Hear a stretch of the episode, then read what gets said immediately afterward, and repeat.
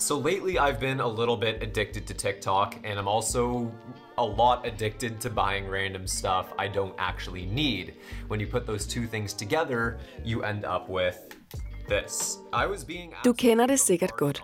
Du burde arbejde, men en reklame på Facebook eller TikTok minder dig om, at du faktisk mangler en bagekurv til surdejsbrødet, eller et magnetisk antitangle ladekabel. Og sekunder efter har du bestilt ikke bare en enkelt dims, men også tre andre, som røg med i kurven, for så opnår du gratis fragt og sparer penge. Det er uhyggeligt let at shoppe på nettet. Men er det for let? Og hvilke konsekvenser kan det have, at vores impulskontrol udfordres mere og mere? Denne episode af Blinde Vinkler handler om online shopping.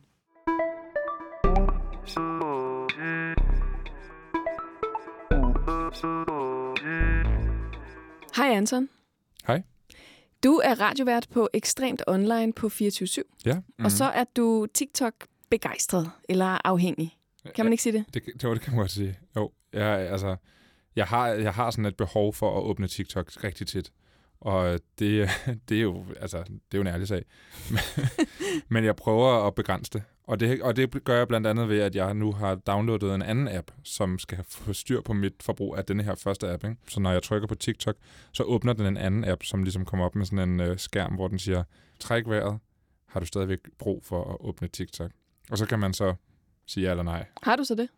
Jamen tit har jeg så ikke lyst til at trykke på TikTok, fordi jeg ved, at jeg skal igennem det her træk vejret øvelse. Så på den måde har den gjort det så irriterende for mig at åbne TikTok, at jeg faktisk gør det sjældnere.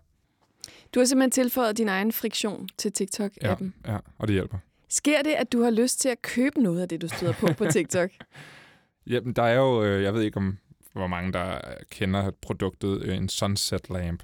Men altså, det er jo det nye, eller jeg ved, det er ikke engang så nyt længere, men det er jo en lampe, som er meget, meget stor på TikTok, som laver sådan en meget øh, solnedgangsagtigt lys. Meget, øh, det, det er sådan en rund ring af lys på din væg, som du så kan vinkle på alle mulige måder og få bruge den til at tage nogle vildt flotte Instagram-billeder eller TikTok-videoer. Sådan en lampe har jeg også brug for, viser det. Føler du? Ja. Og den er der rigtig mange reklamer for på TikTok, og også nogle reklamer, hvor den siger, lige nu, hvis du klikker lige nu, så kan du få den her til 29 kroner. Sådan en har jeg været tæt på at købe. Men så gik jeg så ind og tjekkede Trustpilot, og så var det sådan en scam-virksomhed, som man skrev sig op til en abonnementsordning på at være medlem af den her butik, eller I don't know. Men flere, rigtig mange skrev, at de trak sådan noget 250-300 kroner om måneden efterfølgende. 29 kroner for en lampe sendt fra Kina, det er alligevel lige billigt nok til, at man tænker, ah, jeg tjekker lige. Ja, der må være et eller andet der.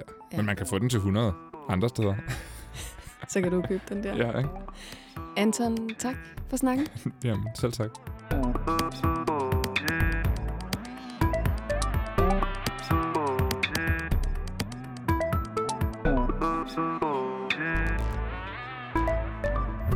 Fristelserne online følger dig overalt. Og der er meget kort fra lysten rammer dig til at ville eje en ting, til den få klik senere er på vej til dig. I mange år har man i tech-verdenen arbejdet på at minimere modstand og besvær mellem den digitale og fysiske verden. Målet har været at fjerne friktion og gøre det så let som muligt at være bruger. Vi forventer efterhånden fuldstændig gnidningsfri digitale oplevelser, og vi irriteres ved det mindste fartbump. Men hvad er konsekvenserne ved en glat og friktionsfri verden? I denne tredje sæson af Blinde Vinkler tager vi afsæt i begrebet friktion og ser nærmere på den skjulte pris, vi betaler for, at noget er smart. Hej Nikolaj. Hej Marie. Men lad os først få styr på, hvordan begrebet friktion forstås, sådan helt specifikt inden for online shopping eller e-commerce, som det også kaldes. Nikolaj Reinsæt er Chief Experience Officer hos det digitale bureau Merkle, som specialiserer sig i Customer Experience Transformation. Nikolaj arbejder med at fjerne al unødig friktion fra kunderejser. Nikolaj, i din branche, hvordan forstås begrebet friktion så mere præcist? Jeg tror, jeg vil sige, at i min branche, der er friktion en betegnelse for modstand mellem et menneske og noget teknologi. Der er et menneske, der prøver at gøre et eller andet med teknologi, og alt, hvad der besværligt gør, det kunne man kalde friktion. Og hvorfor er det så, ja det er måske lidt implicit i, hvad du lige sagde, men hvorfor er det så vigtigt at fjerne den her friktion? Hvad opnår man så? Det er i hvert fald vigtigt, hvis, det er, hvis den der friktion ender med at forhindre folk i at bruge teknologien til at nå deres mål. Øhm, eller hvis det gør, at de bliver sure på teknologien, fordi de har en dårlig oplevelse, selvom de måske når deres mål. Øhm, især hvis man er et firma, der leverer den der oplevelse, så vil man selvfølgelig helst gøre den så positiv som muligt. Så på en eller anden måde, så skal du sørge for, at jeg, hvis jeg sidder med et produkt, du har med at gøre, føler mig så tryg som overhovedet muligt i den kunderejse. Ja, det kan man sige. I hvert fald, især når vi taler e-commerce, så er det jo, så al handling er jo forbundet med, at du afgiver et eller andet, der har værdi for dig. Det kan være dit navn, eller din e-mailadresse, eller på et eller andet tidspunkt dine dankortinformationer og sådan noget. Og den, den værdi skal du på en eller anden måde føle, at, at du er tryg ved, at du får noget tilbage for. Øhm, og det, vi kan ikke vente på, at du får pakken leveret. Vi er nødt til at give dig nogle signaler undervejs, der siger, at, at det er besværet værd, og at du bliver belønnet til sidst. Øhm, og hvis der er alt for meget modstand, så, så kan det godt øh, afføde sådan en form for utryghed, der kan blokere det. Så sikkerhed er også en, en vigtig del af det, at jeg føler mig sikker på, at, øh, at I har mig, har jeg lyst til at sige. Ja, og der er, det er et rigtig interessant emne, fordi der, der kommer vi til at tale om forskellen på, øh, hvad skal man sige, intenderet friktion og utilsigtet friktion.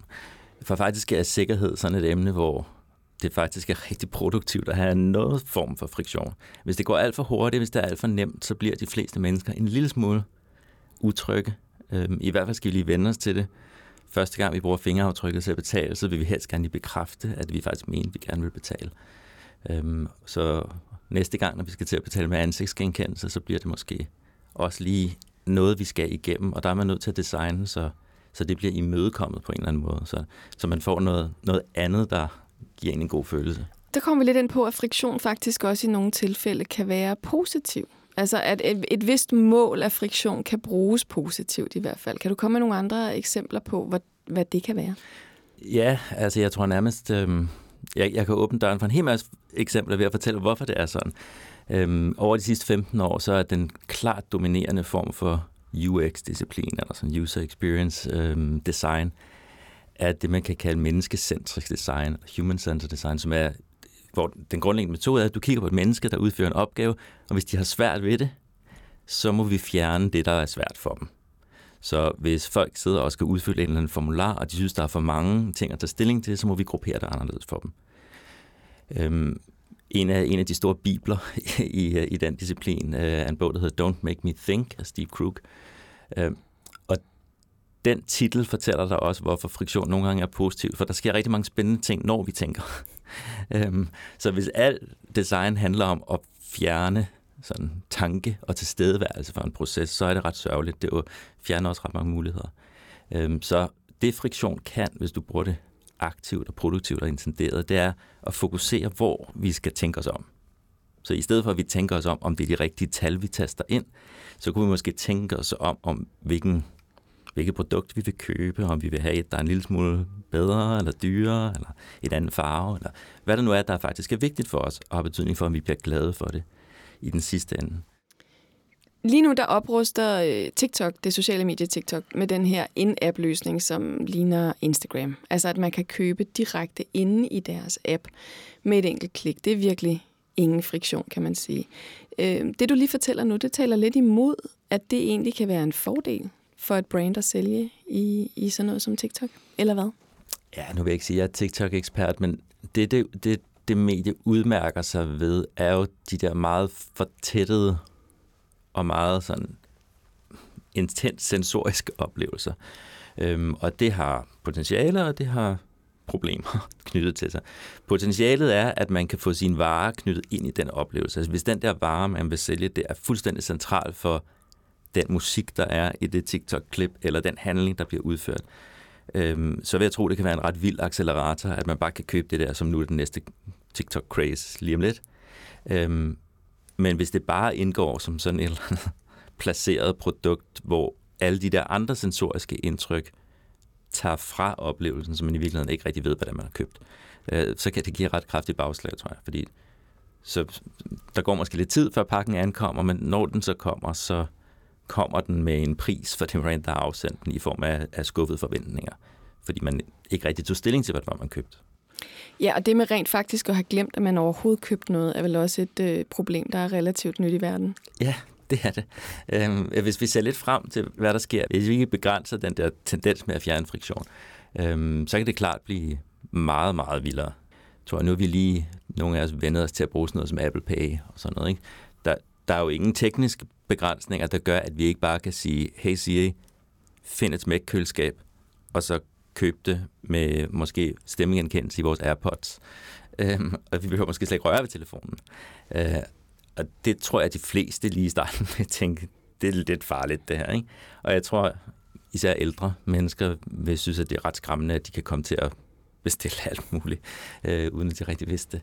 Øhm, så inden for den overskuelige fremtid, vil sige, der, der vil det kræve af os, at vi bliver ved med at, at, at orkestrere en oplevelse, der får mennesket med i købet, og ikke bare foregår på sådan en, en hastighedsparameter.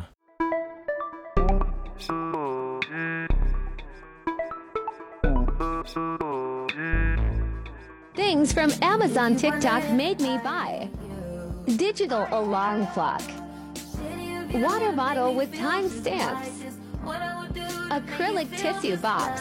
I waited all week for this to come in. Even my cat is excited, and it's not even for him.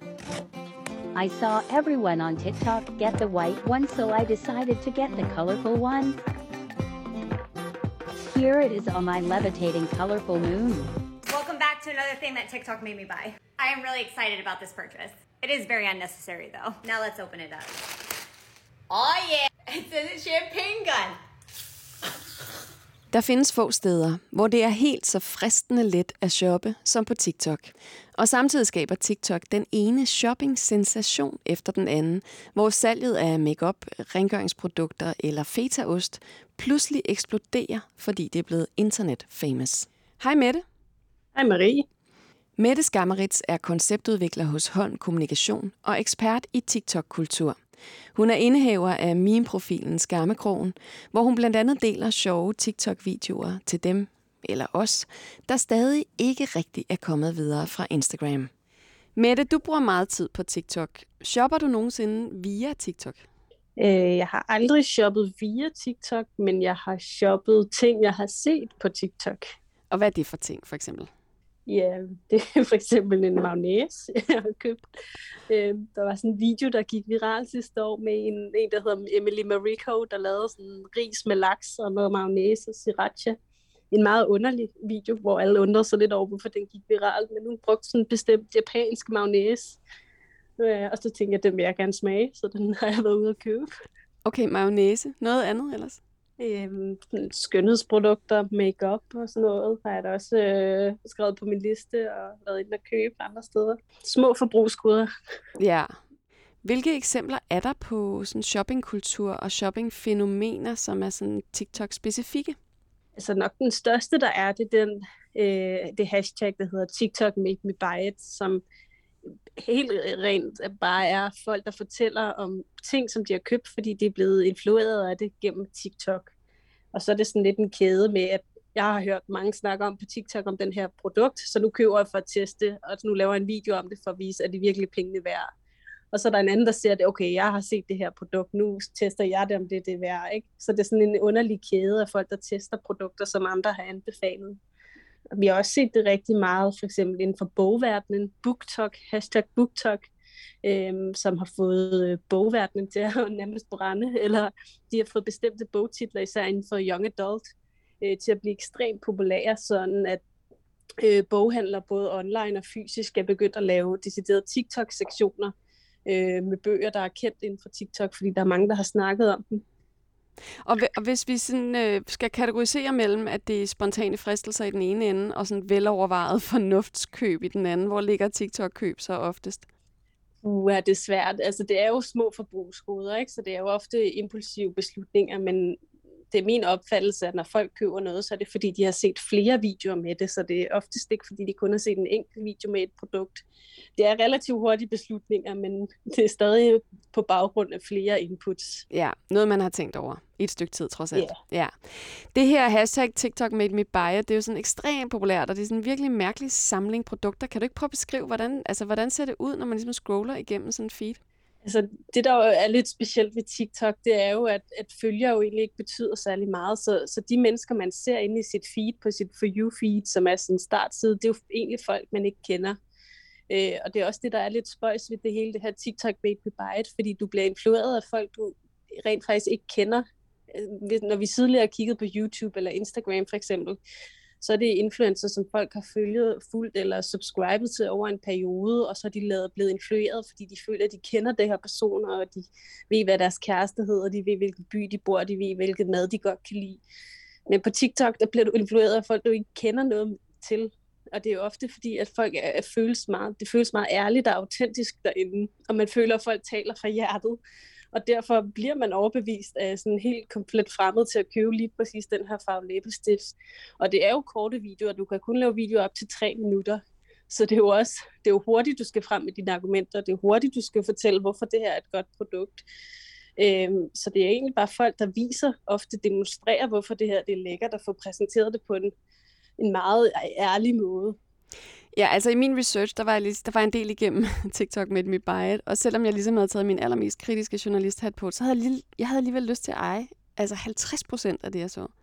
Det overraskede ja. mig lidt, at det var så fristende, at, de, at TikTok ligesom er så god til at skabe de her sensations. Det er de jo, og det er jo også det, er det man kalder social proof marketing. Ikke? Altså, vi kender det jo også fra tandpasta. Ikke? Altså, det er 9 ud af 10 tandlæger anbefaler den her tandpasta, så må den være god. Ikke? Øhm, og fra, generelt fra influencer marketing. Ikke? Altså, man føler, man får en connection med de her mennesker, og TikTok, algoritmen lægger jo også op til, at, at du poster mange flere videoer end på andre platformer. Det er også lidt derfor, at, at følgertal heller ikke føle, betyder lige så meget. Og det er også derfor, at der er mange ting, der går viralt på TikTok. Men det lyder også en lille smule uforudsigeligt. Altså, kan man forudse, hvilke produkter, der bliver et hit på TikTok? Nej, og det er også det er lidt det, der er et problem, fordi der findes rigtig meget skjult markedsføring derinde og det er rigtig svært at gennemskue. Øh, for eksempel i Danmark og i Norge og England, der har vi jo de her regler øh, inden for influencer-markedsføring og skjult markedsføring med, at du skal simpelthen markere, hvis du har fået et produkt tilsendt af en virksomhed, og der er en kommersiel hensigt. Men problemet er med TikTok er lidt også, at det er et internationalt medie, så du ser rigtig mange videoer, både fra for eksempel øh, USA og fra Asien især også, og der er der bare ikke de her regler. Så det er virkelig svært at lure, om det er en person, der reelt synes, det er et fedt produkt, eller om det er, fordi de har fået det tilsendt. Og det, er, og det gør så også, at der er rigtig meget skjult øh, markedsføring inde på TikTok. TikTok introducerede øh, tilbage i november TikTok Shopping her i Danmark, og det åbner for, at, man, at virksomheder eller influencer de kan sælge produkter direkte via appen. Hvordan fungerer det? Det fungerer meget lidt ligesom Øh, vi kender det inden fra Instagram med, at du kan tagge noget. Så hvis du er, du kan se, du kan tagge en video, der vil der være en lille markat nede i hjørnet, hvor der står, vil du gerne købe det her produkt, så er det det her, og så kan du så blive lidt ind på en, en side, hvor du så kan købe det her produkt. Øhm, altså det er jo udbredt i Danmark, og man kan gøre det, men det er ikke noget, jeg støtter særlig meget på, i hvert fald ikke på min startside. Nej, det er jo så relativt nyt, men hvis du sådan skal prøve at, at kigge lidt frem, altså nu ved man også, vi har jo ligesom oplevet det på Instagram en del, ikke? at det er blevet mere og mere shopping mall, synes jeg i hvert fald. Hvordan forestiller du dig, at det her det kommer til at, øh, at være som bruger på TikTok? Altså, jeg tror, det er ret essentielt. Øhm, altså, for at en platform skal forblive en succes, så skal man kunne tjene penge på det. Det var det, vi så, der gik galt med Vine, for eksempel. Og med Musical.ly, for den sags skyld i sin tid, ikke? som var det TikTok hed i gamle dage altså hvis folk ikke kan tjene penge på at være på platformen, så, så holder den simpelthen ikke, så flytter folk andre steder hen. Men det bliver jo helt ekstremt let at købe noget på den her måde. Nu siger du selv, at, at du har købt øh, ting, du har set på TikTok, men ikke via TikTok. Men det, det kommer jo nok til at ændre sig, ikke? Altså lige om lidt, så kan man jo bare klikke, og det tager, hvad, 10 sekunder måske. En impuls til at eje noget og et par klik, og så har du købt det. Der er simpelthen ingen friktion. Ikke noget, der får dig til at stoppe op og tænke. Kan det ikke give bagslag, at det er så let? Er der ikke nogen ting ved det, der kan være problematisk?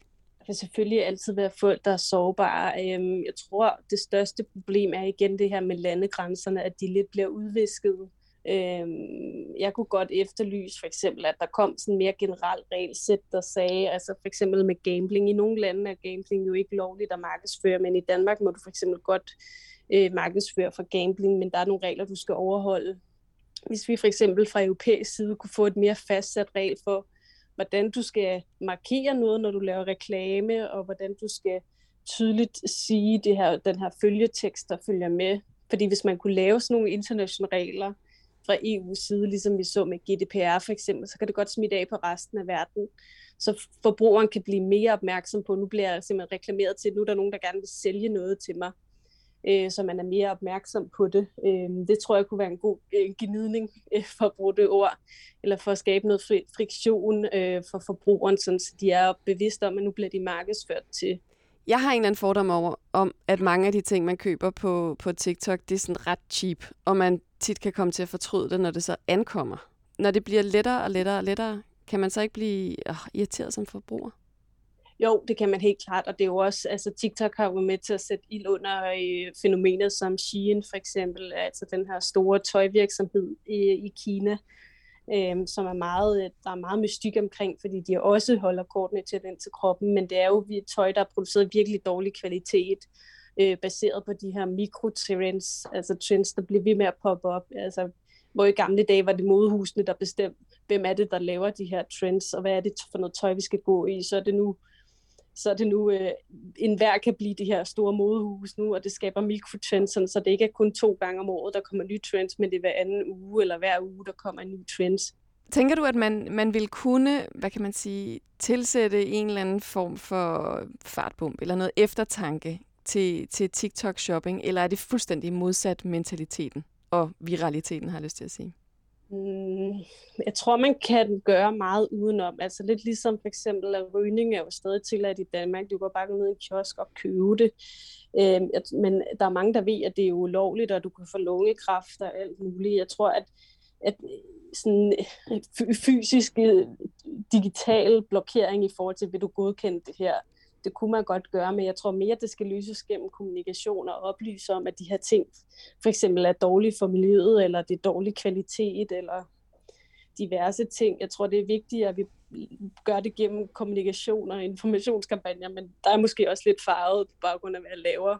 Ja, fordi jeg tænker nemlig, at altså, kan der ikke komme en bevægelse imod, at man øh, det kan godt være, at det kun er os privilegeret her i Danmark, der tænker i bæredygtighed. Men altså, det lyder ikke super bæredygtigt, den måde, som man umiddelbart øh, promoverer øh, og køber produkter på TikTok. Kan der komme sådan en, en, en modsat retning? Det kan der helt klart, og det er der faktisk allerede også. Altså for hver holdning, der er på TikTok, så er der tre andre, der har den modsatte holdning. Øhm, det er også lidt det gode ved TikTok, at, at en holdning får ikke lov til at stå alene. Øhm, der er rigtig mange, der gør opmærksom på, at, at de her fast fashion, fast fashion og andre ting er jo sindssygt dårlige for miljøet. Og overforbrug af rengøringsmidler er også dårligt for miljøet og sådan noget. Øh, så folk er oplyst om det, og du kan finde alle holdninger derinde. Måske ikke de kinakritiske holdninger, det er de eneste, du ikke kan finde, men du kan finde holdninger på alt. Og der er en bølge, der mener, altså hvis du har råd til at bruge rigtig mange penge inde på Shein for eksempel, så har du også råd til at købe øh, bæredygtigt tøj, som er generelt kendt for at være lidt dyrere.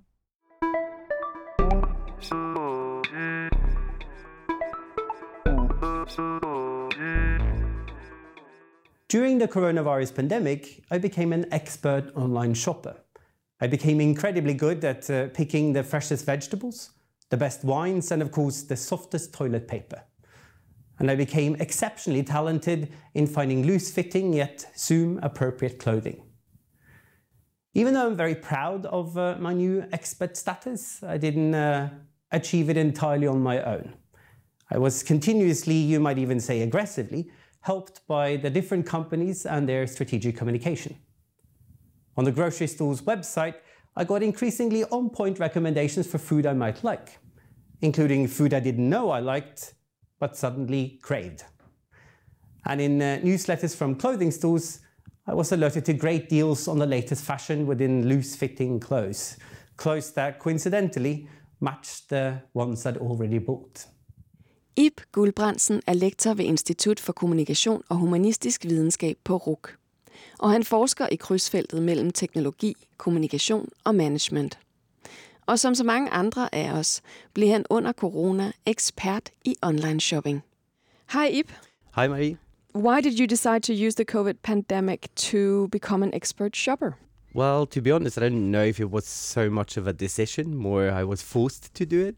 But since I was forced to do it, I decided to make the best of it and uh, figure out how to uh, play the online game to my benefit. So you were training the algorithms to know you, to know your behavior as much as possible. And what was the result? Um, well, over time, I got better and better recommendations for things that I might be interested in. Uh, of course, also got recommendations that had nothing to do with what I was interested in. So I got sort of, it opened my eyes to products and things that I wasn't necessarily aware of that I wanted. I don't know if I necessarily needed them, but um, it was clear I wanted them because I shopped them. So uh, I will say the algorithm learned that I. Uh, had certain weaknesses for certain things. And did it become easier and more pleasurable for you to shop, do you think? Yes. Uh, I mean, on some of the stores, especially uh, grocery stores, they would recommend, you know, some of the same staple uh, groceries that I that I usually get and say, hey, have you remembered to get this? Oh, no, I haven't. So then I should get it. Um, so in that sense, it was easier. And what was your your research interest in this project? You can call it. Uh, my interest was uh, very much sort of connected to suddenly realizing how much uh, these websites that are sort of you know built on machine learning and AI, um, how they were uh, working twenty four seven to make my experience easier um, with less friction uh, more uh, fun uh, in a way. Um, and I don't think I, uh, even though this is my research field, I don't think I sort of felt it so concretely on my body, like every day going on online stores to buy things that I needed. Uh, so it became a very, I don't know, bodily experience suddenly um, to to see my research field because my research is predominantly focused on sort of organizations and management processes. Um, and so suddenly now it was me that was experiencing these technological impacts. Um, and that was fun or weird. And why is it that that companies are so obsessed with removing friction from from these kind of processes that you're describing? Because by moving friction, they also move obstacles or situations in which you would doubt your own decision making. And so the less clicks you have to make, the less points you, you know, think, mm, do I really need this or should I get this? Uh, and so for them, it's a benefit of me buying potentially more than I need. Uh, a danger with frictionless shopping, especially online, is that, um, as I said earlier, you end up buying things you don't need, uh, or you buy, um, or you spend money you don't actually have. We know with uh, uh, quick loans, uh, for instance, in Denmark, uh, how that is now banned uh, because it was so easy to suddenly get extra money. And in a way, when it comes to online shopping, perhaps also there there should be more frictions to prevent people from actually spending money they don't have. But in the end, it must be the consumer's own responsibility. Sure, I don't know if I fully uh, agree with with that. I mean, if we said that as a general rule for society, it would be chaos. I think. Uh, so I think it's a, a combined responsibility. Uh, I think organizations uh, have uh, a social responsibility uh, um, that they need to take seriously. Um, and uh, one of the ways they can do that is actually by creating friction when we buy. And what kind of friction can that be when we kind of use friction to prevent harm and to steer users towards a more healthy behavior, maybe? Mm, yeah. Uh, well, it could be, you know, double checking whether or not you need this purchase or reminding you you actually bought something uh, earlier um, that was very similar to this. Do you already need this again? Uh, or uh, that you can review the order next morning and decide, well, I had maybe two. Um, glasses too many of wine yesterday as I was doing my my Amazon shopping. Uh, and maybe there should be like a period where you could actually uh, then review that in the morning and decide uh, whether or not you actually want it. What do you think a frictionless world would look like? Just to, to take it all the way, if we just keep removing friction from, from everything uh, in terms of e commerce and shopping and have this endless convenience, what will the world be like? It will be absolute hell to me. Uh, and I think it would be very boring uh, um, because the friction also creates, you know, interesting situations of, oh, wait, oh, yeah, maybe that's interesting. Oh, yeah, you're right. Maybe I should think about this twice. If there was nothing of that, yeah, no, I don't even want to imagine. It, to me, that would be absolute hell. It would be very boring. We would just be floating about. Some type of friction creates excitement. I mean, it makes us think, it makes us, you know, wonder, makes us connect different dots than we than we had connected in the past. So I, don't necessarily think a fully frictionless society is something that we should uh, strive for. Also, I've heard that the ease of using the internet and digital solutions can be a problem for security as well. How is that? Well, the more easy it is for us to do um, online shopping, for instance, uh, it, the more it requires that we actually give our data away, including credit card uh, information, things like that. The more we give that information to, the more companies we give that information to, the more companies are potential, you know, targets for uh, hacking, and then our information is suddenly used or spread. Or I think there's a danger in the convenience of just one click for shopping, for instance, because it means that they have all the information already. I mean, you don't walk around on the street and give everybody your credit card information. But we kind of do that online if we want it to be super seamless. The entire history is filled with examples of development by making things easier. This is how we move forward. But have we tipped over now? Has tech become too easy to use? No. Uh, uh, no, I don't think it's become too easy. I mean, we still experience a lot of friction that annoy us. Uh, for instance, bad uh, uh, chatbot customer service. I mean, that's a lot of friction and creates a lot of annoyance. So no, I don't think it has become too easy. We still also experience, you know, websites that are crashing because uh, everybody wants to book their vaccination at the same time and things like that. So in my head, it hasn't become too easy. It's going to become easier, and of course. Um, hence, I think regulation uh, is an important uh, sort of tool that we as a society need to um, uh, start talking about more seriously. The EU is starting now with the AI Act, which is coming in two years, and I think that's an important conversation to actually participate in. As an expert shopper, what would be your advice to consumers, to all of us being tempted all the time? Stop and think. and yeah, uh, which is difficult. I mean, I myself do, uh, uh, even though I'm standing here saying, yeah, you should stop and think and, of course, be critical. There's plenty of situations where I don't do that myself. I could put it in a different way. You maybe remember the commercial because you deserve it, uh, was sort of the tagline. And I think a lot of us, at least speaking for myself, that's sort of a very central part of who I am. So, no, but I deserve it. I mean, I've been working hard. Yeah, I deserve it. And that uh, is very difficult to unlearn. Uh, of course, we want to have a pleasurable life. I mean, uh, why wouldn't you? And because we have sort of this innate need for that, it's difficult for us to resist this desire uh, for pleasure. Amazon and all the other companies, they have so many data points on us that maybe they can even anticipate what we want to buy without us even having to click the button. What do you think about the future? What will happen? Will there be just shopping without even touching the screen, just thinking of something? yes. Uh, in some areas, I think that that is definitely uh, uh, the direction we're moving. We already see some experiments from some companies about how to for instance, uh, have uh, fridges that are connected to the internet, and where um, the fridge can detect whether or not you're low on, say, milk, and it will order that milk for you because it knows that you always order milk. Um, I don't think they will have. At least we're very far from having technology that will think independently. So it will be because you have bought a product that can actually do this for you, um, and then hence you've wished to have uh, this type of frictionless uh, um, purchases or, or, or, shopping. But yes, I, I, definitely think that we're moving in that direction. And in some ways, it's a con- I mean, it's very convenient that you don't have to always check uh, whether or not you need milk. It will just remind you or already purchase it for you. Thank you so much, Ib. Thank you for having me.